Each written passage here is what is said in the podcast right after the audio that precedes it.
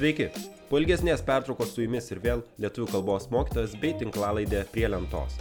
Primenu, kad kitus epizodus, taip pat mokyto dienoraščio įrašus bei vaizdo pamokas apie literatūrą nuo šiol rasite lietuvių kalbos mokyto Contribui platformoje adresu www.contribui.com pasvirasis brūkšnys lietuvių kalbos mokytojas arba apsilankę puslapyje lietuvių kalbos mokytojas.lt. Tinklalaidė prie lentos, kaip žinote, gyvuoja tik individualių remėjų dėka, tad jeigu šio epizodo kur nors klausotės nemokamai ir jeigu jis jums pasirodys įdomus, kviečiu užsiregistruoti minėtoje Contribui platformoje ir taip prisidėti prie tinklalaidės kūrimo. Šiandien prie lentos atsakinėti pakviečiau jauną pedagogę, ką tik mokykloje užbaigusią savo pirmus darbo metus, į kuriuos visko labai daug sutilpo, nuo pandemijos iki ukrainiečių mokymo.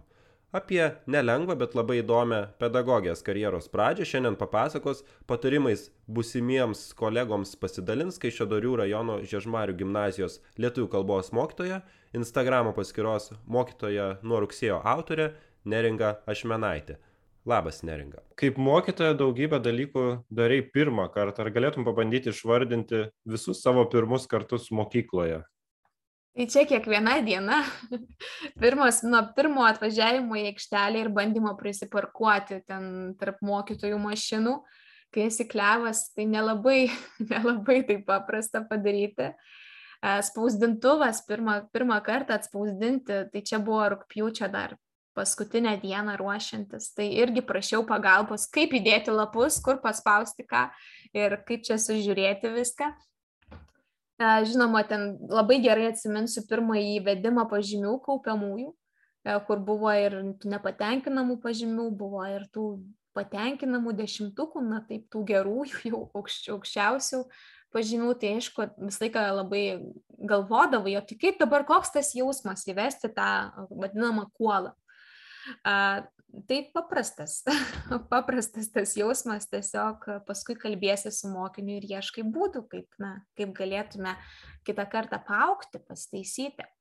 Tai pirmasis, pirmoji pamoka ukrainiečiams turbūt irgi įsimins, nes rankos, širdis, kojos, viskas drebėjo, kas tik tai gali drebėti ir ten buvo labai baisu, bet kartu ir labai gera matyti akis pirmasis susirinkimas su tėvais, pirmoji rugsėjo pirmoji, kur irgi viskas labai drebėjo ir labai bijojau, kad ir pirmoji išvyka, kur e, viską reikia labai taisyklingai padaryti, teisingai padaryti ir e, surinkti sutikimus ir instruktažai ir visokie ten išvykų prašymai ir, ir autobusai ir visi kiti dalykai. Tai tų pirmų kartų e, man, kai aš atėjau, man labai visi linkėjo nenustoti mokytis pačiai tai aš iš tikrųjų kiekvieną dieną mokiausi. Viename straipsnėje save pristatai taip. Esu neringa iš mylimo kaimelio Kišėdorių rajone, du kart diplomuota universitete, tris kart skiepita, vieną kartą siuta, ne, ne karto nelūžusi, taip ir neišmokusi šokinėti šokdynę, negerinti kavos, vos ne 25 tuomet dar ir vis dar vaikas sugrįžęs kurti gyvenimo čia. Kodėl nusprendėjai grįžti į mokyklą, kurioje pati mokėsi? Koks apskritai buvo tavo kelias atgal į mokyklą ir kada nusprendei išbandyti pedagogės profesiją? Visada norėjau būti mokytoja, visada. E, iš pradžių norėjau būti auklėtoja darželėje, paskui norėjau būti mokytoja ir aš tikrai visur esu sakiusi ir visiems, ir visi tai žino, kad e, toje pačioje mokykloje, kur dabar ir dirbu, man ko ne kiekvieną pertrauką mokytojai, kurie mane mokė, mane pažinojo, e, sakydavo, kad, nu, tu tik ne, nedurniuok, tu tik nebūk mokytoja, tu tik čia neteik, tu gali daugiau. Ir e, aš tada nežinojau, kur stoti po 12 klasių, nežinojau, kur siūsti, aš tikrai suabejojau tuo savo noru mokyti ir sudėliojau ten tą visą stojimų lapą, sunumeravau tiesiog taip, kaip, taip, kaip tuo momentu man pasirodė gerai. Tai visą laiką mano širdis linko ir į renginių organizavimą, na, į tą sritį ir kartu į pedagogiką, į darbą su vaikais, buvimą su vaikais. Nesvarbu kokį, turbūt svarbiausia, kad tai būtų su vaikais. Mm, ir taip nutiko, kad aš įstojau į lietuvių filologiją į reklamą, Tai buvo tokios dvi, na, dvilypės studijos, kur ir atrodo kaip kalba, bet kartu ir mes žiūrim į viešuosius ryšius. Bakalauras tas pats popieriuje parašyta lietuvių filologija, bet, na, vis tiek žinios yra dvigubos. E, ir ta, tas filologijos mokymasis netoks stiprus, kaip, sakykime, Vilniaus jau pačiame universitete, kur ten tikrai e, yra tik tai filologija. O čia buvo Kauno fakultete, Vilniaus universitetas, Kauno fakultetas. Tai taip aš jau antrame kurse, labai gerai atsimenu, sėdėjau su e, tuo metinė, na, kurso kolegė ir laukėme paskaitos ir aš sakau, bet žinai, sakau, aš jau savęs čia nebematau. Aš jau antrame kurse nebemačiau savęs ten, e, nes aš jau supratau, kad aš nebegaliu, kad aš noriu eiti mokyti. Ir žinoma, aš pasibaigiau bakalauro, ir na toliau dirbau taip kaip ir toliau mokiausi ir stengiausi ir bandžiau. Bet e, kas nutiko tai kad jau paskutiniame kurse kai ten buvo tie keli darbai dar prieš baigiamąjį baigiamąjį darbą ir jo rengimą aš visuose darbuose tiriamuosiuose darbuose kurių tikrai mes rašėme ir pristatinėjome nemažai stengiausi juos priartinti prie vaikų, prie jų ugdymo, prie jų kalbos, prie jų, na, tokių visų dalykų ir tai ne visada buvo visai į temą. Kartais tai buvo arti temos, bet man tai buvo tokia paguoda iš vidaus, kad va aš tai darau. Pavyzdžiui, sociolingvistikai aš pasirinkau tirti e, vaikų ten neprisimenu kokio amžiaus, bet jie dar buvo iki mokyklos, dar darželį lankančių vaikų, kalbos, ten sakinių visokias ypatybės, tai gavau tiesiog filmuotus įrašus iš na, tam tikrų žmonių, iš tėvų ir juos ten tyrinėjau, nagrinėjau, dariau išvadas. Man tai buvo labai smagu ir labai na, įdomu pačiai. Mm, tai va tokie prasidėjo niuansai, o paskui iš karto vos tik tai gavusi bakalauro diplomą aš įstojau į pedagogiką. Tai yra mokyklos pedagogika metų nu, trukmės studijos. Ir ten aš buvau labai laiminga. Studijos buvo nuotolinės E, žinoma, tai čia toks menkas, na, praradimas vis tiek, aišku, man patinka pamiegoti ir e, pataupyti savo energiją, bet, na, mes nesusipažinome su kurso kolegomis. Susipažinome tik tai online, na, va tai per Teamsus žiūrėjome vieni kitus ir tiek. Tai, bet aš tikrai buvau labai laiminga ir tos studijos e, mane įkvėpė, jos mane labai paskatino, tai buvo turbūt gražiausias laikas tuo, kad aš supratau, kad, na, aš einu savo keliu, kad aš atradau tą savo tikrąją vietą. Ir, ir aš žinojau, kad aš tuo metu, beje, dar turėjau savo verslą, dirbau renginiuose, vis, visą, visą bakalauro laikotarpį, kol mokiausi, aš dirbau e, animatorė, renginių vedėja, paskui perėjau dirbti savo e, pagal individualią veiklą. Ir tikrai man finansinių problemų, kažkokių sunkumų nebuvo iki karantino, žinoma, paskui jau buvo šiokių tokių, e, bet aš laisva ranka, visiškai laisva širdimi visą tai palikau kažkur praeitie ir pasakiau, kad aš noriu dirbti mokykloje, kad na viskas, kad tai yra mano naujas etapas, kad aš jau ten pabuvau, aš jau ten užaugau ir dabar aš noriu keliauti į mokyklą. Tai toks mano tas kelias ir buvo. Ir, ir aš tikrai nesigailiu, kad iš karto nestudijavau pedagogikos, nes ta kelionė iki tol ji buvo labai mm, paruošinti. Ir manau, kad dabar tai neringai būtų buvę daug sunkiau. Ir aš nežinau, ar jinai būtų e, išbuvusi, sakykime, tam tikrus dalykus šiais metais, mokslo metais, bet dabartiniai neringai, kuris žino, kad būna įvairių tėvų, kuris žino, kad būna įvairių suaugusiųjų aplinkui, kad, na, šiaip vis, visko visai ir būna ir kaip į tai reaguoti, kaip tai priimti, kada patilėti, kada jau pastovėti už save. Tai, tai šitai neringai buvo tiesiog lengviau ir tai buvo pačiu laiku ir geriausioje vietoje. Tai aš esu be galo laiminga už tokį pasiryžimą ir nors mano antroji pusė sako, kad dabar tu esi tiesiog geras žmogus ir mes dėl to negalime įpirkti namo, bet, bet aš esu laimingas geras žmogus. tai kažkaip tai, taip. Taip, dirbant mokytojų sudėtinga, turbūt namą įsigyti pats galiu patvirtinti. Bet apie finansus šiek tiek vėliau dar pakalbėsime. Mane vienas iš labiausiai sudominusių tavo turėtų darbų šeimos šventės svečio iniciatyva. Kas tai per dalykas, galėtum papasakoti? Tai tai ir buvo mano renginių, e, renginių tas verslas, kuriam beje šitame straipsnė aš ir sakau, kad aš neįpratau to vadinti verslu, nes man tai buvo gyvenimo būdas. Aš visada būdavau arba kelyje, arba kostiumuose ir daugiau niekur kitur. Tai e, tai buvo, prasidėjo tai iš tikrųjų nuo pat pirmo kurso, kai aš įsidarbinau kitur, aš visą laiką labai norėjau išbandyti šitą veiklą. Animatorė tai yra personažas vaikų šventėms ir labai norėjau išbandyti, kai persikėliau į Kauną, e, studijavau ir iš karto, iš tikrųjų, rugsėjo mėnesį aš įsidarbinau būtent toje, toje vietoje, na, tokiam restorane, žaidimų kambaryje ir ten prasidėjo šitas mano kelias. Paskui atsirado antra vieta ir tada aš labai norėjau sugrįžti atgal. Tai va, aš labai norėjau sugrįžti atgal visada, visada norėjau sugrįžti iš Kauno, norėjau sugrįžti į savo gimtą Kaišėdorių rajoną, kur mano širdis džiaugiasi vien būnant čia, kaime, aš esu kaimo vaikas, nors užaugau ant asfalto, bet vis tiek širdis visada buvo pas senelius kaime ir dabar čia būtent ir, ir gyvenu. Ir tas noras sugrįžti mane paskatino pradėti tiesiog pačią kurti tą, na, siūlyti tokią paslaugą. Mano mama yra siuvėja e, ir ji siūdavo per naktį kostiumus visa šeima viską darė, aš neturėjau teisų, mane vežiojo iš šventės, krovė daiktus, ten tampė viską. Tai buvo toks labai, labai greitas etapas, bet labai išmokantis, labai auginantis etapas. Ir tai va, tas šeimos šventės svečias ir yra. E, mano buvo galimybė, kuri leido sugrįžti atgal į kaimą. Ir, na, kodėl aš buvau kaune? Aš buvau todėl, kad man reikėjo dirbti ir aš mokiausi ir dirbau. Tai tas šeimos šventės svečias man leido grįžti. Aišku, atnešė ir finansinę na, stabilumą, tokį nepriklausomybę savotišką. Ir, ir, ir taip, aš visada žinojau, kad aš dirbsiu Kaišėdarių rajone.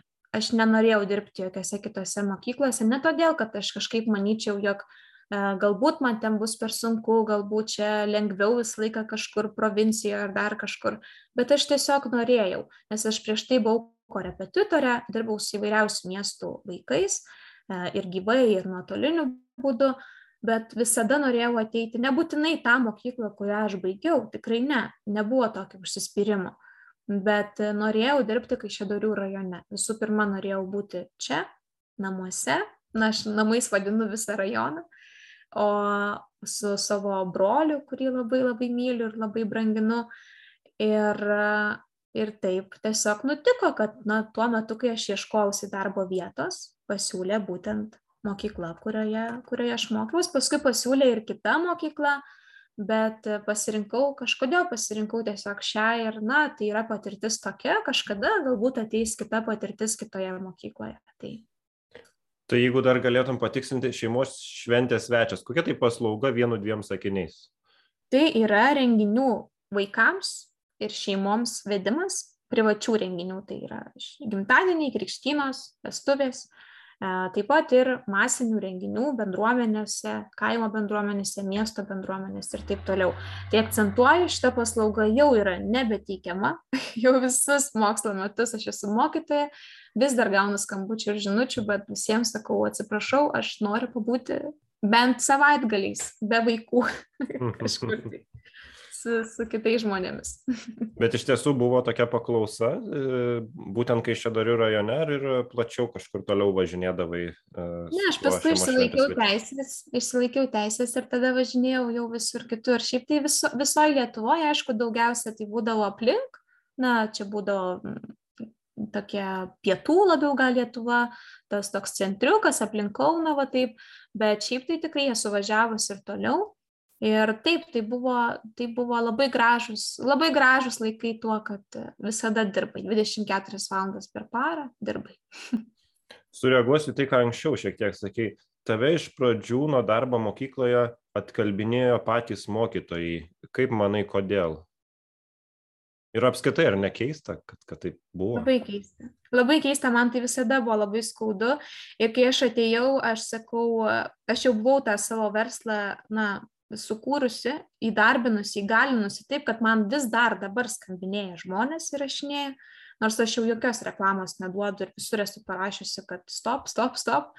E, tai aš sakau, ar aš dabar jau padariau tai, ką galiu daugiau, nes man vis laikas sakydavo, tu gali daugiau. Tai sakau, ar aš jau padariau, aš jau pasižymėjau varnelę, kad aš jau padariau daugiau ir dabar galiu daryti tai, ką aš na, norėjau daryti nuo pat pradžių. Tai ar tai yra keista, tai, tai buvo ne tai, kad keista, bet tai buvo truputį liūdna. Ir aš suprantu, kodėl. Iš tikrųjų suprantu, nes tai yra, aš turėjau penkias savaitinės pamokas. Man buvo paprasta. Aš paskui turėjau jų daug daugiau, nes gavau lietuvių kalbą mokyti ukrainiečius. Tai tada aš turėjau tikrai pilną krūvį, plus dar korepetitorė ir plus dar, na, kitas veiklas. Tai tikrai to darbo užtenka bet e, ir tas atlygis, mes apie atlygį kalbėsime galbūt vėliau, kaip supratau, bet na, jis nėra motivuojantis, jis nėra tas, kur tu ten labai norėtum kažką kviesti. Bet e, aš kaip dabar mokytoja irgi esu, aš kviečiu, aš kviečiu ateiti, nes e, jeigu tik tai žmogui norisi, tikrai kviečiu ateiti, kad ir tuo mažu etatu. Tai ne, net kalbinėjau ir netgi savo mokinius bandau kažkaip paskatinti mokyti, pajusti tą mokymo e, prasme, kad ir mokyti savo bendraklasį, kad, na, su ta viltim, kad gal kažkada, kažkada jie tą jausmą atsimins ir, ir na, sumastys ateiti. Tai taip, kiekvieną kartą sakydavo ir, na, tiesiog buvo galbūt nuovargis, galbūt buvo tokia situacija kažkokia sudėtinga, kai tu esi mokinys, tu to nematai ir kažko linkėjo daugiau, linkėjo kažko kito, linkėjo tiesiog didesnio, manau, kad uždarbio, e, didesnės pagarbos galbūt, daugiau laisvo laiko, daugiau to, na, galimybės kažkaip kažkur išvykti, turėti namą galų gale ar dar kažką.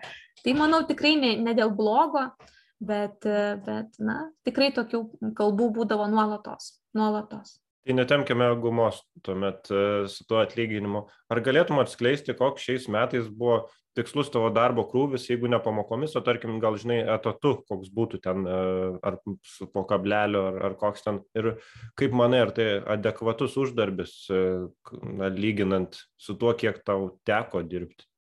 Aš uždirbdavau tris kartus daugiau. tai gal taip pasakysiu. Aš per mėnesį uždirbdavau tris kartus daugiau ir tai tikrai buvo patogesnis gyvenimas, reikėjo išmokti gyventi truputį kitaip, bet čia aš mačiau kitokią tą vertę ir aš dabar galiu tiesiog sauliaisti matyti tą kitokią vertę. Nežinau, koks ten mano tatas yra iš tikrųjų skaičiukais, man atrodo, kad 075 su auklėtojos jau pareigomis ir su uh, ten, bet, na, vėlgi, kadangi aš ten kartais turiu mažiau, kartais daugiau papildomų pamokų ukrainiečiams, tai man, na, skiriasi, bet šiaip aš uždirbdavau apie 700 uh, kiekvieną mėnesį jau po mokesčių, tai plus minus. Iš pradžių 6, paskui 7, na, taip, tarptų skaičių. Ir aš esu kartais kartą pasiskaičiavus, kad man atrodo viena pamoka 3,5 euro, ar ten 3 eurai, ar kažkaip ten susiskaičiuoja. Tai, tai nežinau, koks tai, ar tai yra daug, ar tai yra mažai. Jeigu aš turėčiau šeimą, turėčiau, sakykime, na, šeimą, na, savo vaikų, tada tai būtų mažai. Aš nesup, nesuprasčiau, kaip, kaip, sakykime, nupirkti, kaip išlaikyti, kaip suteikti tą ir kultūrinį gyvenimą kokybišką. E, tai taip, dabar visa laimė, kad tiesiog šie metai buvo tokie, nes aš turėjau santaupų ir, ir ganėtinai ramiai mėgausi šiais metais. O kas bus, kai baigsi santaupos? Ar, ar pagalvoji apie tai, ar galvoji apie kokį nors papildomą darbą, gal turėjai kokį nors ir šiais metais, ar tik tai mokykloje e, realizavai tai, save?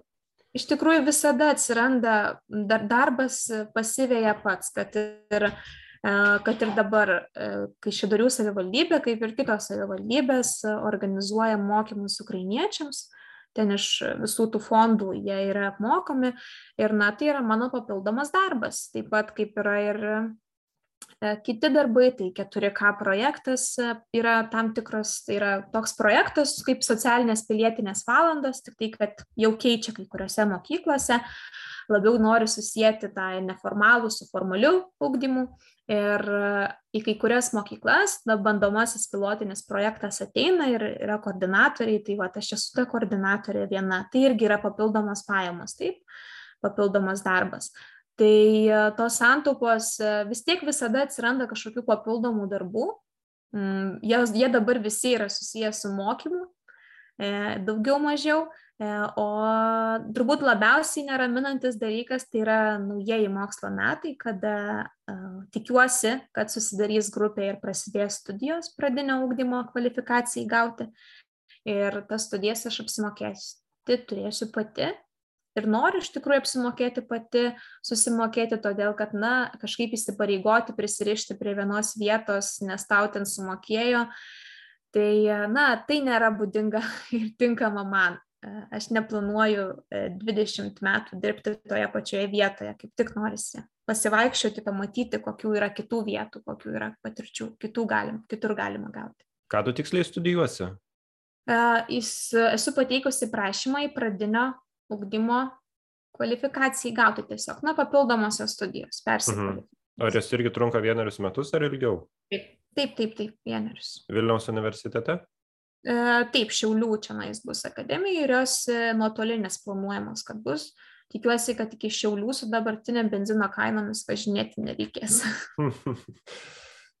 Pedagogikos e, mokėsi, kaip sakai, vienerius metus ir aš tiesą sakant, tas pačias studijas buvau pasirinkęs Vilniaus universitete mokyklos pedagogikos.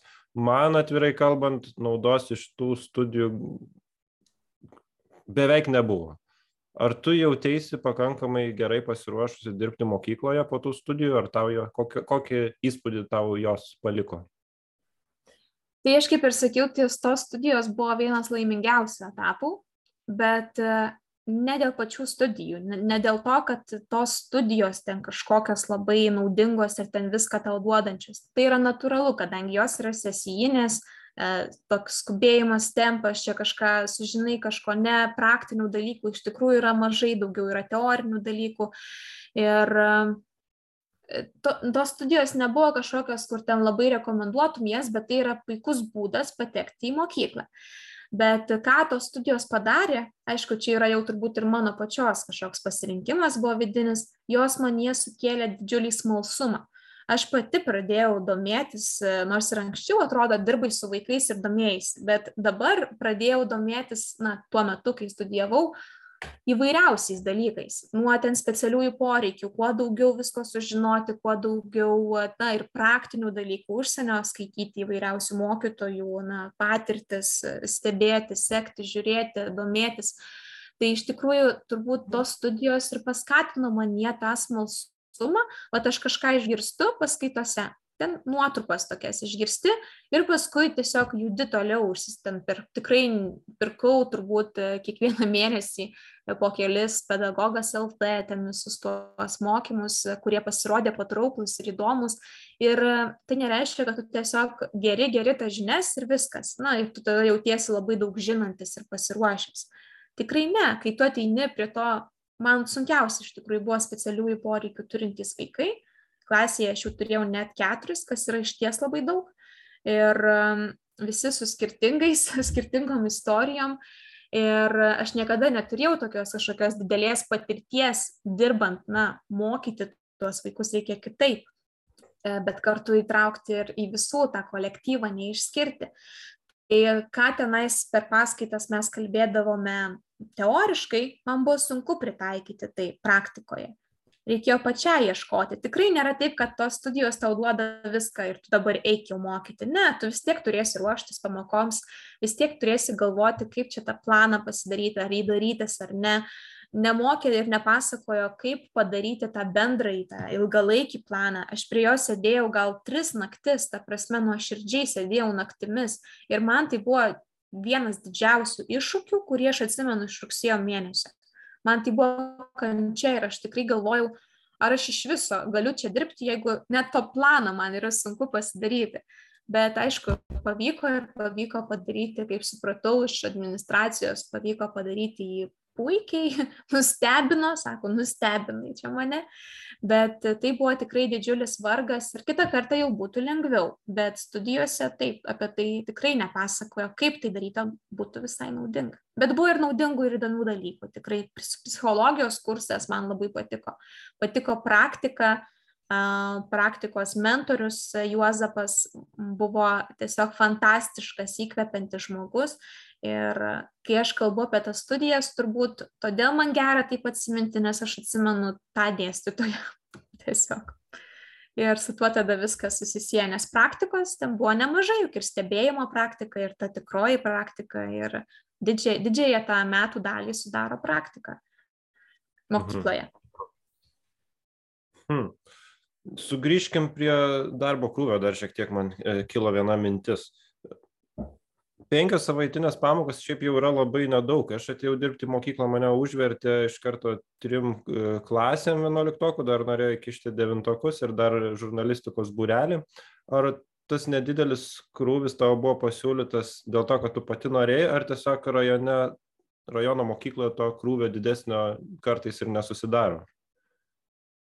Ne, čia buvo tas atvejis, kad kai aš atėjau į mokyklą, kai aš iškojau darbo vietos, e, toje mokykloje buvo mokytojų pakankamai lietuvių kalbos mokytojų.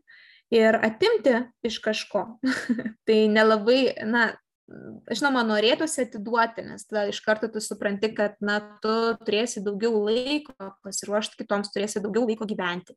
Tiesiog, na, čia iš kitų mokytojų pozicijų. Bet uh, juk paskui ir mažėja ir atlygis, ir mažėja visi kiti dalykai. Tai čia, na, yra tokios dvi pusės. Tai man tiesiog buvo paduota ta klasė, kuri dar niekam nepriklausė. Ir man tas mažas krūvis atrodė patrauklus, na, kaip pradžiai. Tikrai aš dėl jo ten nesi, nesikračiau, nesipurčiau, man tikrai tai patiko. O dabar, jeigu aš toliau tęščiau kelionę kaip lietuvių kalbos mokytoja, mano krūvis būtų daug, daug didesnis, nes tiesiog išeina viena mokytoja, e, atsisveikina. Tai, tai tiesiog tada perimčiau jos visas klases, na, ar, ar ne jos, bet tiesiog būtų klasių pasiskirstimas jau kitoks. Bet tik tai todėl, kad aš turėjau tas penkias savaitinės lietuvių kalbos pamokas, dar yra dvi valandos e, auklėtojo ir šiaip auklėtojo darbų rugsėjo mėnesį tikrai netrūksta ir šiaip visada toliau. Tai užsipildo tas laikas Ir e, paskui man pridėjo 16 valandų lietuvių kalbos ukrainiečiams. Tai 16 valandų per savaitę, tai aš dirbau visas dienas išskyrus pirmadieniais. Taip, nu, man tiesiog reikėjo pirmadienį pasilikti laisvą, taip ir buvo sudėliotas. Tai tas krūvis pat padidėjo ir to tokio didžiulio kažkokio, na, kad dabar čia man nuobodu, tikrai nepasijuto, nes aš labai ilgai užtrukdavau pasiruošti pamokoms, pirmosioms pamokoms. Aš darydavau planus, ne taip, kaip ten universitete mokė, bet aš tiesiog savo darydavausi planą, kaip viskas atrodys nuo uždavinio, e, tada ten medžiaga, kokios ten priemonės, na, viską, viską susirašydavau ir aš tuos pirmosius planus, tai truko iki lapkričio mėnesio Tai visus tuos iki lapkričio mėnesio aš juos turiu, man gražu juos žiūrėti, nes dabar aš jau jų tokių nedariau, jau išmokau truputį kitaip darbuotis. Bet mhm. tas laikas, na, užtrukdavo tikrai, atrodo, penkias pamokos, bet aš jiems pasiruoždavau tikrai labai sąžiningai ir buvo ką ruoštis, nes aš juk nieko neturėjau iš ties. Mhm. Dabar bandau prisiminti, kiek aš e, turėjau pamokų, na, pavyzdžiui, gerai, kad ir šiais metais šešios, trylika devyniolika dvidešimt keturios pamokos per savaitę. Ir galiu pasakyt kad aš tų planų e, pamokos planų nuo pat pradžių nedariau nes tiesiog nu, fiziškai nesuspėdavau niekaip. Taip, taip, taip, aš įsivaizduoju ir aš iš tikrųjų galvoju, kad e, galbūt toks būtų, na, jau geras kelias iš tikrųjų prisikviesti mokytojų, nesvarbu ar ten jaunų mokytojų ar vyresnių mokytojų, čia tas amžius nerodiklis, tiesiog norinčių būti mokytojais, prisikviesti siūlant e, mažesnius krūvius, bet tiesiog turint daugiau tų mokytojų. Ir ta įvairovė tokia, ir tas kolektyvas tada kitoks. Ir aš, pavyzdžiui, matau mokytoją mūsų, mokyklos, mūsų mokykloje, kuris irgi turi, beje, penkias, man atrodo, savaitinės pamokas Ir jis toks laimingas. jis toks laimingas yra, nes jis tiesiog šalia to turi savo kažkokią tai veiklą, savo kažkokį tai verslą ir ten yra jo kaip pagrindinės pajamos, tam užtenka visiškai laiko, o čia yra tiesiog kaip tokia, na, investicija į ateitį. E, tai man toks planas atrodo labai patrauklus ir tu matai mokytoją žmogų, kuris yra pailsėjęs, kuris yra kažkur save realizuojantis dar kitur. Tai tikrai yra labai labai smagu matyti tokį žmogų tiek man kaip mokytojai, kolegiai, tiek manau, kad ir mokiniams. Nes, na, kai būdavo tokių dienų, kur ten pavargsti, tai ir tos pamokos yra netokios kokybiškos, netokios, kokių tu galbūt norėtum tai įsivaizduoju, kad turim 20 ten virš pamokų, jokių planų ir ten dar ko. Jau neprikursi ir tikriausiai ten visokių spektaklių neprirašysi scenarijų iki tol, o aš tiesiog išnaudojau tą galimybę, kad aš turiu mažai ir aš galiu išbandyti visas idėjas, nes turiu pakankamai laiko pasiruošti tam. Čia gera idėja ir gera rekomendacija tiems, kurie galbūt pradės e, dirbti mokykloje, nes e, aš sakau, iš asmeninės patirties aš realiai sudegiau nuo to krūvio.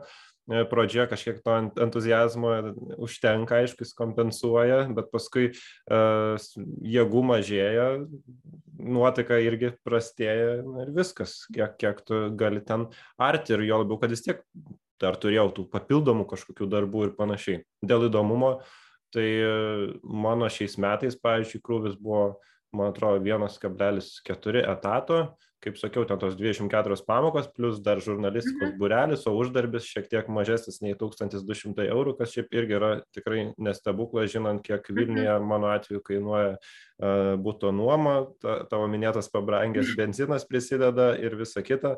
Ir žodžiu, tu vis tiek dirbi labai absurdiškai, tiesiog daug, dirbi dar ir papildomai ir galop nebeištveri. Tai tavo tas pasiūlymas ir sakau, galėtų jo tikrai pasinaudoti busimi mokytojai. Na, dirbti po truputį, kažkaip įsivažiuoti, išbandyti ir gal kažkokį balansą e, atrasti, nes išsilaikyti vien finansiškai, vien dirbant mokyklą, mano manimu, nėra realistiška. Ne, ne, ne, tikrai nėra ir man iš tikrųjų siūlė dar prieš tai, kai aš buvau studentė, tik tai E, pedagogikos studentė, man siūlė mokykloje, kurioje aš nesimokiau, bet mokiausi tos mokyklos skyriuje. Na, kaimo mokyklėlė tiesiog buvo, kuri priklausė tai didžiai mokyklai ir ten esu buvusi ne kartą, bet nenorėjau ten mokytis, man sienų spalva nepatiko, beje, labai svarbi priežastis. Tai e, man siūlė ten visą etatą ir aš atrodo, taigi va, tau siūlo visą etatą, ta prasme, tavim taip pasitikė, iš tikrųjų tai trūksta mokytojų, bet tiesiog taip pasitikė tavim.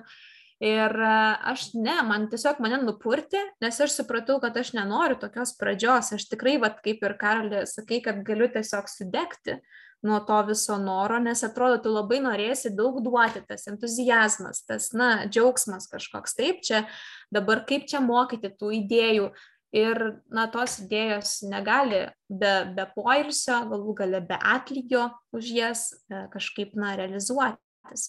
Tai, tai taip, tikrai man tas su mažu etatu buvo puikus ir turbūt visiems pradedantiesiems mokytojams e, norėčiau na, rekomenduoti tai pabandyti, o manau mokyklos galbūt gali tai suteikti, jei gali, žinoma, gali paieškoti dviejų mokytojų, pavyzdžiui, vietoj vieno užsiminė apie kolektyvą. Kiek mokinių ir mokytojų tavo gimnazijoje ir koks daugmaž amžiaus vidurkis mokytojų? Tai man atrodo yra apie 600 mokinių, tai yra gimnazija, bet tai yra nuo iki mokyklinukų iki 12. Na, tiesiog tokia yra situacija, kadangi tai nėra miesto mokykla, jis surenka visus vaikus iš aplink visų amžiaus. Ir kolektyvas mokytojų, tai faktas, kad aš esu jauniausia mokytoja, e, yra dauguma yra vyresnių mokytojų, bet koks yra tas amžiaus cenzas, e, vidurkis tiksliau, aš nežinau. E, daug sveikina su 60-mečiais ir visais tais jubiliejais. E, labai tos mokytojus iš tikrųjų aš atsimenu pati, kai buvau mokinė. Labai smagu buvo juos pažinti kaip mokytojus, kaip kolegas, bet tikrai yra vyresnių mokytojų dauguma.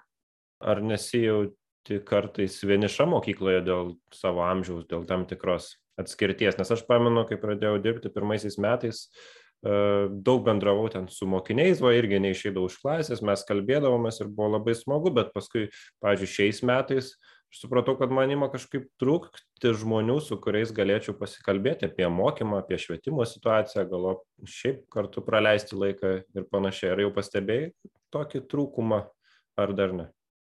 E, tai va, lygiai taip pat kaip ir tu, Karolė, aš irgi tam mokytojų kambarį galbūt rečiau ir užeini, nes atrodo, tu nesijauti vienišas, kol esi su mokiniais. Ir nesvarbu, ar tai yra penktokai, ar tai tiesiog yra vyresni mokiniai, nes vis tiek su jais reikia kažkokį kontaktą turi, nesvarbu, kad jų nemokai, kadangi iš mano kaimo tikrai nemažai vaikų važiuoja į mokyklą, tai mes ten e, pažįstami esame, arba šiaip iš kitų veiklų, anksčiau buvusių veiklų, iš neformalių veiklų, ten daug labai aktyvaus jaunimo, su kuriuo mes renginiuose susidurėm nuolatos ir dirbam kartu. Tai tikrai atrodo, kad tu ir nesi vienas, atrodo, kad gali, bet taip, karts nuo karto būnant jau tą mokytojų kambaryje, tu matai, kaip kiti bendrauja, taip, kaip, kaip ir sakau, draugystės kažkokios arba šiaip diskusijos ir apie namus ar dar ką nors, nes jau jie gali nusipirkti tiek metų pradirbę tai ir tu supranti, kad tu nelabai čia telpi iš tą diskusiją, nes tau dar ten kuo apželdinti kiemą nėra aktualu. Taip, arba ten dar kažkas. Taip, tikrai tas jausmas ateina, bet man buvo tai pirmieji metai ir aš turėjau daug klausimų ir atrodo vis tiek bendrauji, vis tiek kalbės, na bent jau tomis temomis. Šiaip tikrai nekarta buvau tas žmogus, kuris tiesiog išklauso išklauso mokytoją, kuris sėdi mokytojų kambaryje ir matosi, kad yra ar pavargęs, ar nusivylęs, tikrai negaliu ten diagnozuoti taip rimtai, bet paklausi ko nors, na, mokytoja, kaip jums sekasi šiandien, arba kaip jūs jaučiatės, arba kokia jūsų diena. Ir tas žmogus atsiveria, tu tiesiog sėdi ir klausais. Ir viskas, ir tu nieko ne, tau nereikia sakyti, ir paskui tu matai, kad tas žmogus išeina jau truputį lengvesnis, jau šitą. Tai va toks, o labai vertinu iš tikrųjų medicinos darbuotoją Jėvą, su kuria mes ir papliurdavom, ir pasijuokdavom, ypatingai COVID tuo laikotarpiu, kai ten mūsų klasėje kaip tik tai atvejis, taip atvejis, kaip diena, taip naujiena. Tai e, visada tikrai, na, būdavo smagu tomis akimirkomis žinoti, kad e, tu pajokausi, tave supras, ji pajokaus, tu suprasi, nes jūs esate tame pačiame pasaulyje, jūs gyvenate tame pačiame, na, naujienų kažkokiam uh, sraute, e, visokių na, bendravimo formų galų gale netgi e, sraute tame pačiame jūs esate kategorijoje amžiaus. Tai tikrai tada būdavo smagu ir pagalvodavau, kad būtų smagu čia sutikti ir na, bendramžių ir daugiau ir tarp mokytojų ir bendradarbiauti ir būti ir matyti tą mokymo procesą ir šiaip tos iššūkius galų gale, nes tai yra labai svarbu daug metų dirbantis mokytojas jau to man labai svarbios problemos ir kažkokio tai iššūkio jau taip nebemato, o tas kitas naujas žmogus jis irgi taip pat matytų ir mes taip pat ten pasiguostume vieni, viena kitai ar vieni kitiems ir kažkaip tai kartu išgyventume. Tai tikrai taip ateina ir dėl to aš visą laiką raginu ir kviečiu iš vis ateiti mokyti, nes na, visose mokyklose trūksta ir kažkas kitur sėdi, kuris irgi laukia. Ir visi sėdim skirtingose mokyklose ir laukiam tie, kas seka tavo Instagramą mokytojo, mokytojo nuo rugsėjo, jau žino, kad tu esi labai kūrybinga ir sugalvoji unikalių mokymo metodų. Ar galėtum pristatyti keletą tau labiausiai pavykusių, e, kokia buvo jų idėja, gyvendinimas ir kaip reagavo mokiniai, kadangi minėjai, jog stengiasi netradiciškai pažvelgti į ūkdymą? Taip, tai uh, turbūt uh, pagrindinis dalykas, kurį norėčiau čia pasakyti, tai čia nelabai galbūt susijęs su pačiu dalyku, bet šiaip galima pritaikyti bet kuriam dalykui, vad užsi, užsibrėžiau tokį tikslą, utopinį tikslą, sakyčiau, bet visai visai pavyko ir kuris labai iš pradžių nervino ir erzino mokinius. Ir turbūt jie mane taip ir atsimins, kad va čia ta mokytoja, kuri vis reikalaudavo.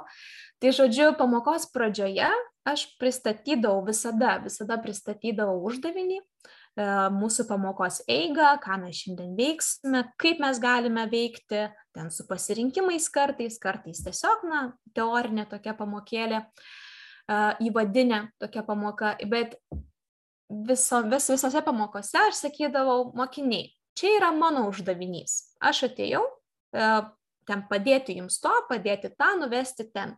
Dabar jūs pabandykite išsikelti tikslą, mes vadindavom tikslą ir uždavinį, na toks buvo kaip sinonimai mūsų e, kalboje. Pabandykite išsikelti savo tikslą, ko jūs atėjote į šią pamoką, na, žvelgdami į šią skaidrę, ką mes joje veiksime. Ir e, nuo paties minimaliausio, pavyzdžiui, mano tikslas šiandien yra vesti užrašus arba ten išgirsti mokytoją ar ten dar kažką taip, o galbūt tavo tikslas yra sužinoti, jau yra gerai. Galbūt tavo tikslas yra ir išmokti, ten nustatyti, pritaikyti. Tai jie kiekvieną pamoką, aš skirdavau pamokos pradžios minučių, e, jie išsikeldavo savo individualų tikslą, uždavinį Ir vis kiekvieną kartą vis bandydavom juos tobulinti, vis konkretinti, nes iš pradžių buvo, nu tai išmokti viską, išmokti tai, ką mokytė pasakys.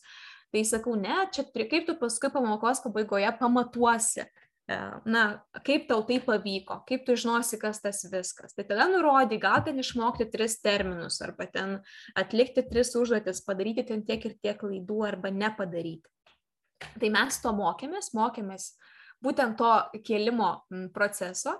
Ir pamokos pabaigoje mokiniai gaudavo refleksiją, kurioje jie tą tikslą savo nurodydavo, įrašydavo, na, kad, nes aš neidavau pro jų, pro jų asmenukus ir nežiūrėdavau, ten tiesiog jų labai daug ir tai užtruktų labai ilgai, bet jie man įrašydavo į programėlę ir įsivertindavo, ha, kaip aš jaučiausi pamokoje, ar aš pasiekiau šį tikslą, ką aš dariau, kad taip nutiko, ką mokytoja darė, kad taip nutiko, na ir ten tokie trumpi klausimai. Ir mes to išmokome ir aš sakiau jiems, kad jūs kažkada man padėkosite už tai, kad jūs čia dabar vargstate, bet paskui jiems tai labai tapo natūralu. Jie iš karto, tik tai aš pristatau savo uždavinį ir jie iš karto aš matau, kad jau rašosi kažką savo ir sako, ai, aš jau, aš jau, na jau jiems taip tai tapo įprasta. Tai tikrai padėjo uh, kažkaip tą atsakomybę už mokymasi bent ta, tas 45 minutės perkeltim ir mokiniams, pasidalinti, kad tai nėra mano kažkokia, nežinau, man čia to reikia, bet ir jums to reikia, taip, ir jūs turit kažkokį tai uždavinį. Tai va toks vienas sprendimas, o šiaip tai uh, labai pasiteisino visokie žaisliukai, kad ir kaip tai juokingai skambėtų, bet pamok pamokai išdėstyti, tikrai labai patiko visiems lėlių teatras. Tai yra pirštų, tiesiog ant pirštų uždedami tos lėlytės. Tai e, pritaikiau praktiškai viskam, bet kokią užduotį paduodi. Ir jeigu tik ištraukia tas lėlytes, tai visi pradeda peštis, kas kuo bus ir kaip čia dabar e, mes pasidalinsime. Tai pavyzdžiui, pirmasis kartas, kai pritaikiau, tai buvo rugsėjo dar turbūt mėnesį, buvo pamoka apie sinonimus, antonimus ir na, visus tuos tokius žodino dalykus. Aš jiems sukūriau tekstuką būtent apie tuos gyvūnėlius, kurie na, buvo tose lėlytėse. Ir skliaustelėse buvo įrašytas koks nors žodis, užduotis pakeisti tą žodį ten sinonimą pasakyk, pasakyk antonimą. Ir jie tarytum vaidino tą spektaklį įrašydami į tas vietas savo žodį pagal tą nurodymą, kokį ten jį reikia paraš, pasakyti. Mes viską darėme žodžiu, bet tai tikrai buvo uh, smagu ir įdomu ir, na, tai nebuvo kažkokia užduotis raštu, kuri galbūt yra labai patogi kai kuriems mokiniams, bet aš kaip sakau, ta toki, tas toks jauduliukas, kad dabar tu čia kažką pasakysi ar padarysi, jis, man atrodo, daugiau tų, tų žinių parodo, kaip tu išmokai, na, kaip tu išmokai pritaikyti kalbo kalbant tą, tą vis tas visas žinias. E, visada pamokoje, dažnai tiksliau pamokoje ateidavo obuoliukas, pliušinis žaisliukas, kuris jiems labai patiko ir jie ten peždavosi, kas pas ką dabar jis įsėdės, tai tiesiog visokie mėtymo žaidimai, nes, na, mes žiūrime į ekraną, teorinė dalis, taip, paskui rašome kažką ar ten su planšetėmis ar kaip, bet norisi, kad būtų šiek tiek ir judesio, kad, na, jie neužsidėtų, kad nepradėtų nuobodžiauti, tai kartais tokių visokių veiklų, ar mes ten šokam, ar mes ten pagal kažkokius darom atidaus klausimuose, pratimus ten plojam, ar ten mėtam žaisliuką, gaudom, metam, sakom, šaukiam ar vaidinam, ar, na, tiesiog įvairiausių, kad būtų ir judesio, nes tikrai yra penktokai ir jie na, jiems irgi dar yra sunku išsėdėti ir ypatingai jeigu dvi pamokos iš eilės, tai tikrai nėra, nėra lengva. Tu nekartą minėjai, kad tau kaip naujokai kliuvo ir vienas labai didelis iššūkis mokyti ukrainiečių vaikus lietuvių kalbos. Ir viename interviu atskleidai, kad tu pati nemokėjai nei, rusų, nei rusiškai, nei ukrainietiškai kalbėti. Tad kaip viskas vyko? Tai aš ir dabar nemoku, neišmokau. E, iš tikrųjų, tai buvo didžiulis iššūkis būtent dėl to, kad aš nemokėjau rusų kalbos, na, ukrainiečių, e, juo labiau nemokėjau kalbos. Ir kaip mes susikalbėdavom, tai nuo rugsėjo tie mokinukai, jie mokėjo bent minimaliai anglų kalbą, tai mes tiesiog naudojamės jie. Ja, šita kaip tarpininkė buvo mūsų geriausia draugė anglų kalba. Ir, žinoma, vertėjas tiesiog, na, paveiksliukai, atradome įvairiausių būdų, kaip mokytis, kaip išmokti. Ir aš nežinau, pavyzdžiui, ir dabar, kai aš mokau suaugusiuosius, jie nemoka anglų kalbos. Mes iš vis neturim tarpinės kalbos aš kalbu lietuviškai, skaidrėse jie visada mato, na, kažkokios ten taisyklės vertimą į ukrainiečio rusų kalbą. Vertėjai iš tikrųjų verčia geriau į rusų nei kad ukrainiečių, tai kartais tenka mm, pažaisti su tuo. Ir mes kalbamės, mes bandome, mokomės, čia labai svarbi yra pagarba iš kito žmogaus, iš to mokinio pusės, koks yra jo požiūris, nes kai atėjo pradinukai, mokinukai, jau paskui tie karo pabėgėliai, Tai tarp jų buvo labai įvairių tokių um, pasisakymų ir na, tokio požiūrio įvairovės buvo. Vieni labai suprato, kodėl jie tai daro, e, o kitiems tai buvo visiškai nereikalinga ir jie net pykdavo, kad jie turi ateiti iš tas pamokas, mokytis kalbos, jie nemokėjo visiškai anglų kalbos, irgi kaip suaugusieji, paaugliai tik tai moka minimaliai. E, tai o šitie mažyliukai jie nemokėjo ir jie ne visi turėjo noro ir išmokti kalbėti arba bent kažką suprasti lietuviškai, bet tai yra visiškai natūralus, man atrodė, kad tai yra natūralus jų toks nenoras, nesupratimas. Kokiam amžiaus vaikus mokiai? Tai septintokas ir devintokė buvo pirmieji, e, nuo rugsėjo mėnesio, su kuriais keliavome iki pat mokslo metų pabaigos. Tada buvo pradinio amžiaus, tai nuo pirmos iki ketvirtos klasės aštuoni, man atrodo, mokiniai. E, tada buvo vyresnių mokinių, kurie jau buvo karo pabėgėliai, tai ten buvo ir aštuntokas, ir šeštokas, ir na, septintokas, na, žodžiu, įvairių buvo amžiaus grupių, bet paskui jie pasirinko nuotolinės mokymus įstaigas iš Ukrainos. Tai jie taip pabuvo, nežinau, porą savaičių gal tik tai ir tada iškeliavo, liko tik tai pradinukai. Ir dabar suaugusiųjų, tai suaugusių tai ten jau visas miksas nuo seniorų iki, net yra iki Kokia... seniorų. Mhm. Nuo, nuo, nežinau, net yra ir paauglių iš tikrųjų ten sėdi kartu, ateina su tėvais, bet iki pat pat seniorų. Kokią dydžio grupę mokai dabar? Kiek iš viso ukrainiečių yra tavo? Užsirašė yra 15, grupė 15 mokinių, ar ten daugiau yra nuotolinių dar šiek tiek, bet kadangi tai yra dirbantys žmonės, tai tikrai ta grupė migruoja labai ir kartais ateina daugiau, kartais mažiau.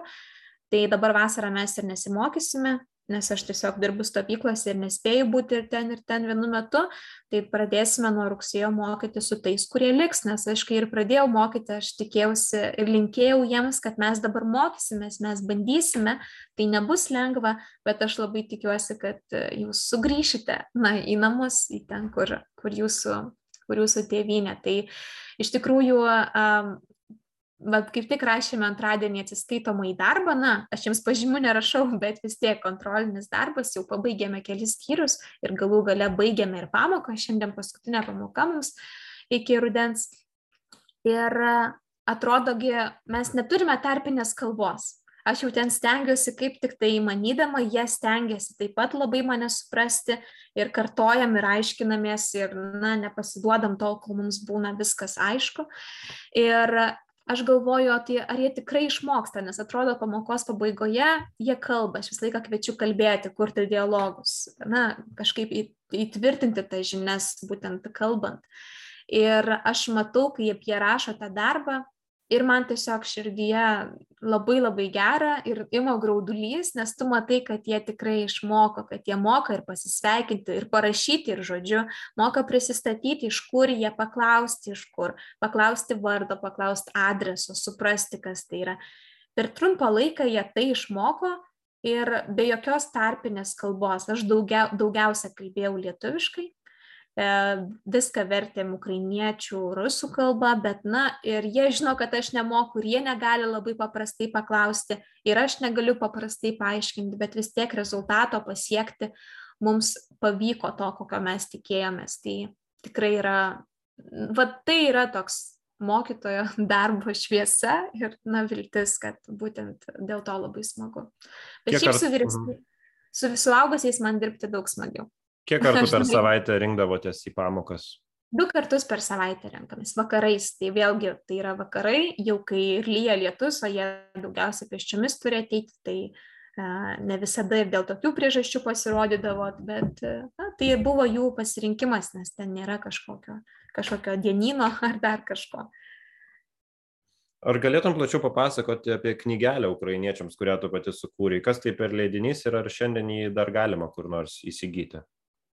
Na taip, tai aš visų pirma jo nesukūriau, aš manau, kad tikslesnis žodis būtų sudaryti, sudarimas, nes tai buvo pasirinktos e, dvi pasakos, lietuvių liaudės pasakos, kurias mes su mano mokiniu ukrainiečiu, pirmuoju to, iš tų brolio ir sesės pirmųjų, e, skaitėme kažkada tiesiog pamokų eigoje ir labai patiko jiems jas skaityti, jie suprato, mes tikrai ten kelis kartus jas vis ėmėme kaip pavyzdį ir nagrinėjome iš įvairiausių ten aspektų ir žodino, ir gramatikos, ir, na, ir taip toliau.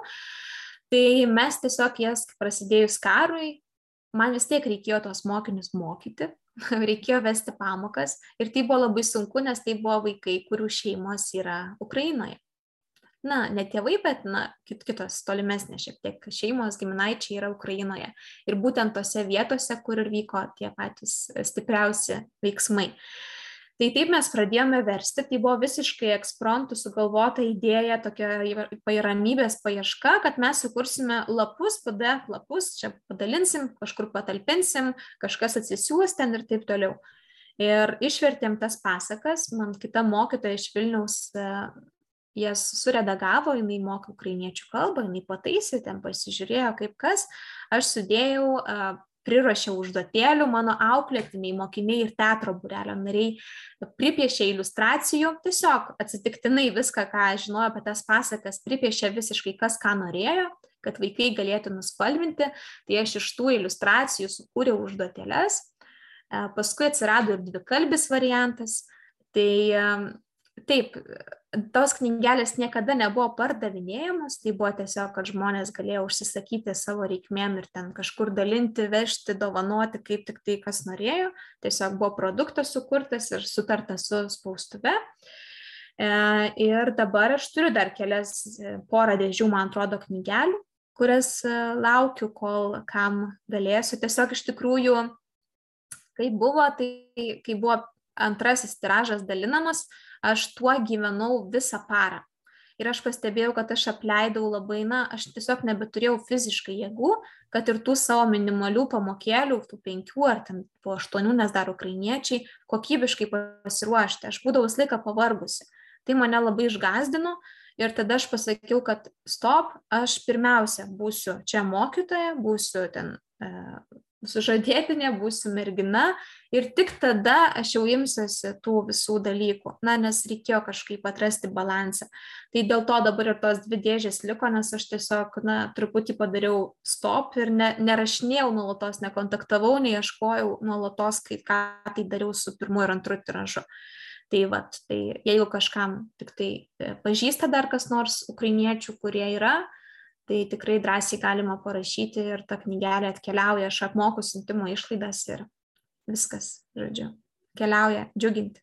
Žodžiu, viską darai ir darai net lygintinai ir iš idėjos, galima sakyti.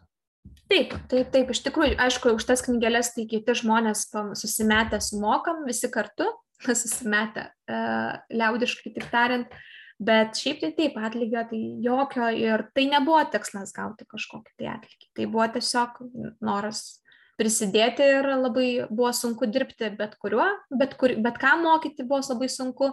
Tai tiesiog ieškojau ramybės ir tą ramybę suradau tuose ten dvidešimt keturiuose puslapiuose ar kiek ten. Tai pasidarė kažkaip geriau. Ir labai smagu buvo parodyti savo mokiniams, auklėtiniams, kad jų mažas piešinukas, ten nupiešta morka arba ten kačiukas, nesvarbu, nes mano auklėtiniai labai mėgsta piešti, tai va, išnaudojame jų tiesiog talentą. E, ir kad va toks mažas dalykas atrodo, jūs man atnešėt vieną baltą lapą, pripaišytą ten to, kas jums atrodė įdomu. Ir tai pavirto tokiu dideliu nuotikiu, tokiu dideliu darbu, kuris pradžiugino tikrai, e, aš, man siuntė nuotraukas, siuntė istorijas, siuntė, kaip vaikai dėkoja, kaip vaikai piešia ukrainiečiai būtent. Tai tikrai buvo, na, reikšminga ta knygelė jų gyvenime, jų kasdienybėje tuo metu. Tai buvo labai smagu ne dėl savęs, bet dėl pačių tų mokinių, dėl auklėtinių, kad va, jūs būdami dar tik penktoje klasėje, prisidėjote tokiu mažu žingsneliu prie tokio didelio darbo. Tai jiems tai tikrai, na, jie labai savimi didžiavosi ir turbūt jau visa jų giminė žino apie šitą dalyką. Kaip komunikavai su ukrainiečiais prasidėjus karui? Kas tau buvo kaip mokytojai sunkiausiai? Čia turėtų teoriškai žvelgiant būti ir psichologi, na, psichologinis kažkoks paruošimas, bet aišku, niekas tam nebuvo pasiruošęs ir net ir laiko nebūtų buvę tose pačiose pedagogikos studijose apie tai matyti kalbėti. Ką tau teko išgyventi tuo metu? Tai buvo sunku suvokti, ką dabar mes turime mokytis na, kokia to viso mokymosi e, prasmė bus. Kodėl, kodėl dabar, kai jūsų ten močiutė yra pavojuje, mes prieš tai kaip tik buvom kalbėję apie tai, kad ten jų augintiniai yra, kad ten šuniukai, ten taip toliau lėkia. Ir kaip tik va, prieš porą pamokų buvom kalbėję ir aš tai žinojau tokią šviežią informaciją, na kas yra dabar.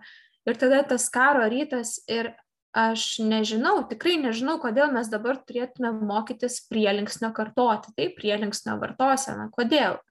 Na, kodėl, na, kodėl jūs manęs turėtumėt klausytis tiesiog. Tai labai atsargiai reikėjo pirmiausia pačiai nurimti, labai atsargiai klausti visų pirma, teirautis, kokia yra būsena, kaip jaučiasi E, ir tada pradėti jau pagal jų šiek tiek tą norą, ką jie norėtų veikti. Tai ta knygelė labai buvo geras toks, na, mes jau kartu ir mokėmės, nes mano mokinys iš lietuvių kalbos, vadinasi, pritaiko savo žinias, kurias jau išmoko per metus, beveik metus, jisai, na, verčia į ukrainiečių kalbą.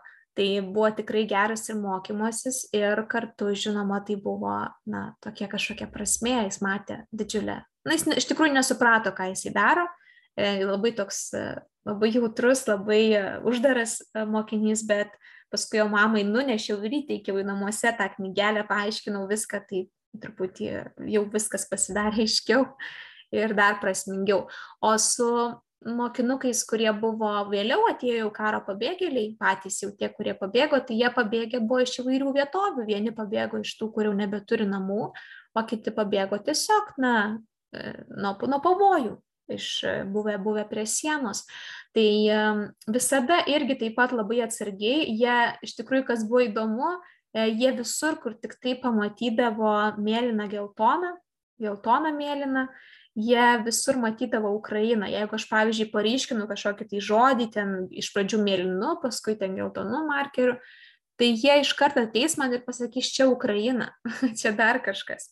Tai, žodžiu, tikrai jie visur tai matė ir jautė ir jie tuo gyveno, bet nebuvo taip, kaip aš mm, galėjau nujausti, kad ten e, bus labai jautru, sakykime. Tai buvo vaikai, kurie savotiškai kitaip perima karą, nuo kurių galbūt kažkas yra ir slepiama šeimoje. Dėl to jie nebuvo labai jautrus tuo, bet aišku, buvo tokių, kurie bijojo garsų, pavyzdžiui, bijojo e, kažkokių ten staigesnių judesių prisilietimų. Tai tiesiog labai atsargiai, ne tik aš, visi mokytojai su jais dirbo. Ir visi gyvename tą tokią, na, dalinomės tą patirtimį, kaip buvo, kas nutiko e, ir, na, kažkaip taip išgyvenom tą laikotarpį.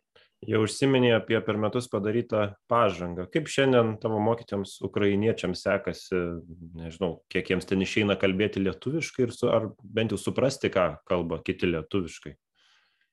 Tai čia turbūt reikėtų kalbėti apie tuos du, kuriuos mokėmės nuo rugsėjo mėnesio, nes e, kiti mokiniai, tie pradinukai, tai labai priklausė viskas nuo jų, jie ten išmoko skaičius, spalvas ir porą žodžių šeimos narių, ten kuprinėje kas yra ir jiems to užteko.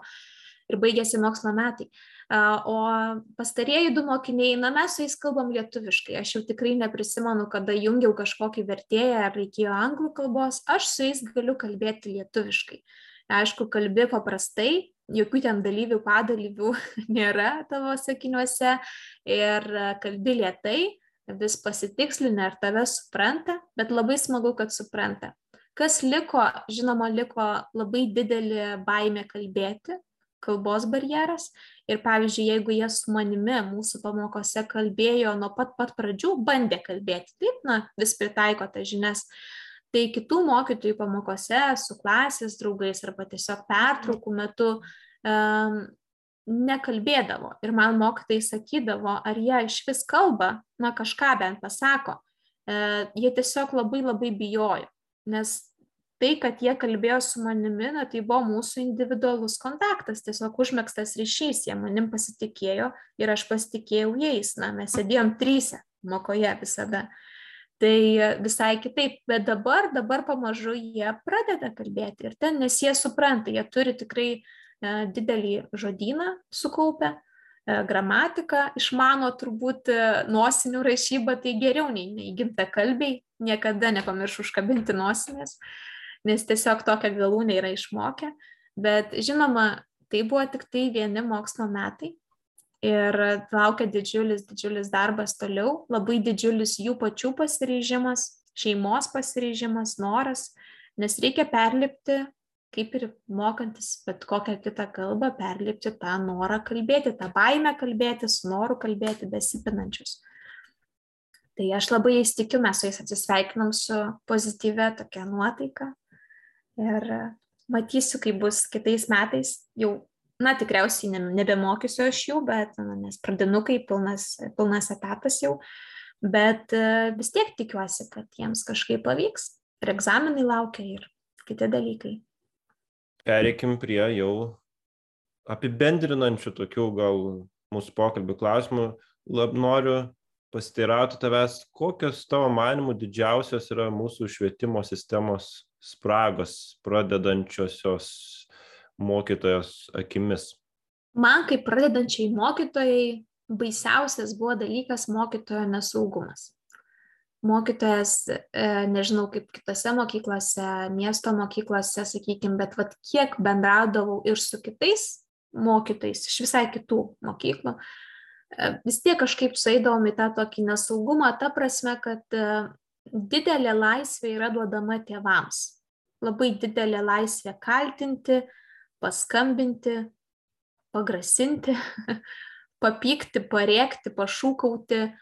Ir kaip mokytojai, kuri, na tikrai nuoširdžiai sakau, nebuvo viskas tobula, tikrai nebuvo tobula mano darbe, sakykime, pamokose, taip, bet aš labai labai stengiausi, labai stengiausi išgirsti kiekvieną, palaikyti kiekvieną, suteikti to dėmesio, prieiti, paaiškinti, parodyti dar kartelį ir dar kartelį. Kaip auklėtoja vėlgi tai buvo didžiulis mano noras būti ir na, būt, kokybę pasiekti. Taip. Ir kai visa tai dėl kažkokio mažo vieno įvykio yra nubraukiama ir tu ten sulauki skambučio, ten su šaukimais arba yra atliekiama į mokyklą ir taip toliau. Ir aš klausiau, o kodėl visada tik tai tėvai yra, na, tie, kurie gali čia šaukti ir rėkti ir kodėl mokytojas yra tas, kuris visada turės atsiprašyti.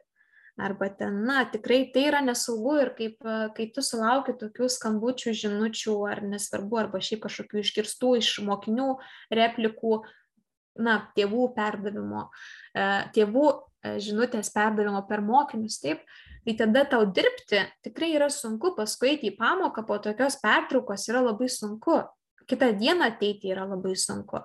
Tai e, aš esu kalbėjusi su tiesiog su tam tikru žmogumi meistrė, kol darė procedūrą, ji man pasakojo apie savo sūnaus mokyklą.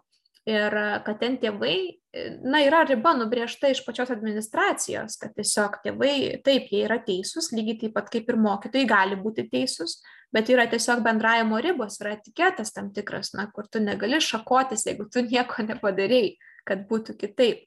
Tai vad, mane labiausiai tai gazdino ir gazdina, o šiaip e, norėtųsi, norėtųsi daugiau E, kuo mūsų mokykla išsiskiria, šiaip ir kuo aš labai džiaugiuosi to, kad tikrai mokytojui yra daug laisvės, kad jis gali pasirinkti, kaip mokyti.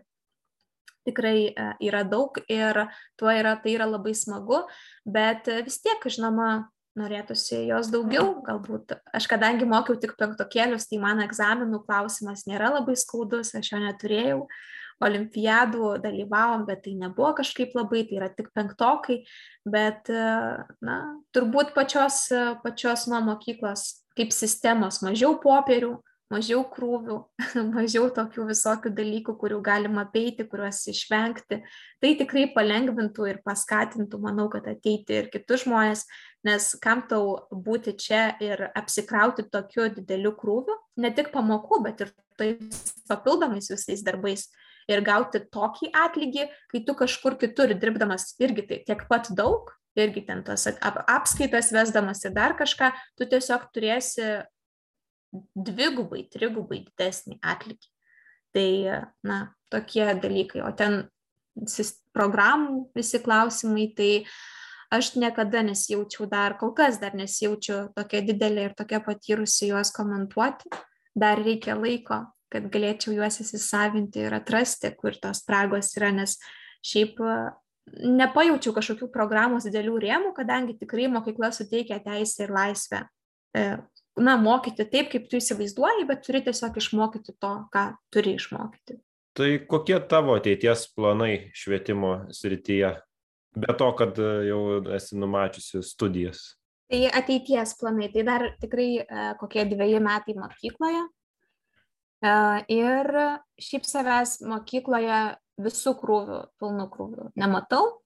Tai nebent tik tai kaip papildoma kažkokią tai vat pamokas, kelias pamokas turėti kaip investicija į ateitį. Ir aš nuo pat pradžių, nuo pat pirmosios savo veiklos, nuo šeimo šventės svečio, dabar ateimas į mokyklą, yra mano tiesiog ėjimas link savos neformaliojo švietimo studijos įkūrimo.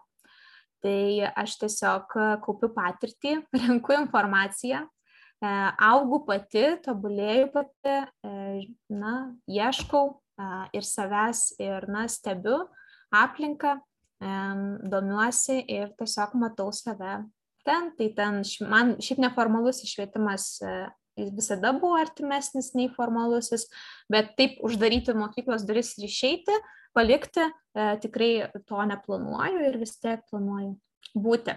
Būti ten, bet vis tiek, na, tiesiog ieškoti savęs. Matai save švietimo srityje iki pensijos? Ne. Kaip ir sakiau, kai nematau savęs e, švietimo srityje toje pačioje mokykloje ilgą laiką, tikrai ne, nes, na, iš vis dviejai metai, man atrodo, yra pakankamas laikas patirti, pabandyti ir tada keliauji kitur taip, arba ten dar kažkokį kitą, kitą na, gal dviejai, treji. Manau, kad nei vienas uh, dabartinis mokytas, ateinantis mokytas jau nebematys savęs tai visą gyvenimą toje pačioje įstaigoje iki pat pensijos. Manau, kad turės keistis ir ta visa na, požiūrio į mokytoją sistema ir tiesiog ieškoti kitų būdų įdarbinti, pasiūlyti ką nors kitą kaip papildomą veiklą. Manau, kad kitaip mes tiesiog jau nebesurasime mokytojų ir tai yra natūralu. Nebent labai dramatiškai padidės atlyginimas, bet to greičiausiai nebus, todėl manau, tu labai logiškai kalbi ir aš to visiškai pritariu. Na tai man belieka palinkėti tau sėkmės, neprarasti to optimizmo tiek, kiek tu dar būsi mokykloje. Ir aš primenu klausytojams, kad kalbėjausi su Kaišėdarių rajono Žiežmario gimnazijoje dirbančia lietuvių kalbos mokytoja Neringa Šmenaitė, Instagramo paskiros mokytoja nuo rugsėjo autorė, skatinu sekti ir apskritai labai kūrybinga asmenybė. Ačiū tau, Neringa, kad šiandien sutikai atsakinėti prie lentos. Ačiū, Karoli, buvo smagu pabūti prie lentos, pagaliau šiek tiek kitaip, ne kaip mokytoja. Jeigu klausėtės šio tinklalaidės prie lentos epizodo nemokamai, labai kviečiu tapti prenumeratoriais Lietuvų kalbos mokyto Contribui platformoje adresu www.contribui.com pasvirasis brūkšnys Lietuvų kalbos mokytojas arba apsilankius puslapyje lietuvų kalbos mokytojas.lt. Užsiregistravę galėsite ne tik klausytis buvusių ir būsimų epizodų, bet ir skaityti nesutrumpintus mokytojo dienoraščio įrašus bei žiūrėti vaizdo pamokas apie žymiausius užsienio ir lietuvių autorius. Contribui platformoje talpinamas turinys pritaikytas visiems ir tiems, kurie dar mokosi mokykloje, ir tiems, kurie ją jau baigė, tad tikrai rasite ką nors aktualaus savo. Ačiū, kad remite, ačiū, kad klausotės ir iki kito karto.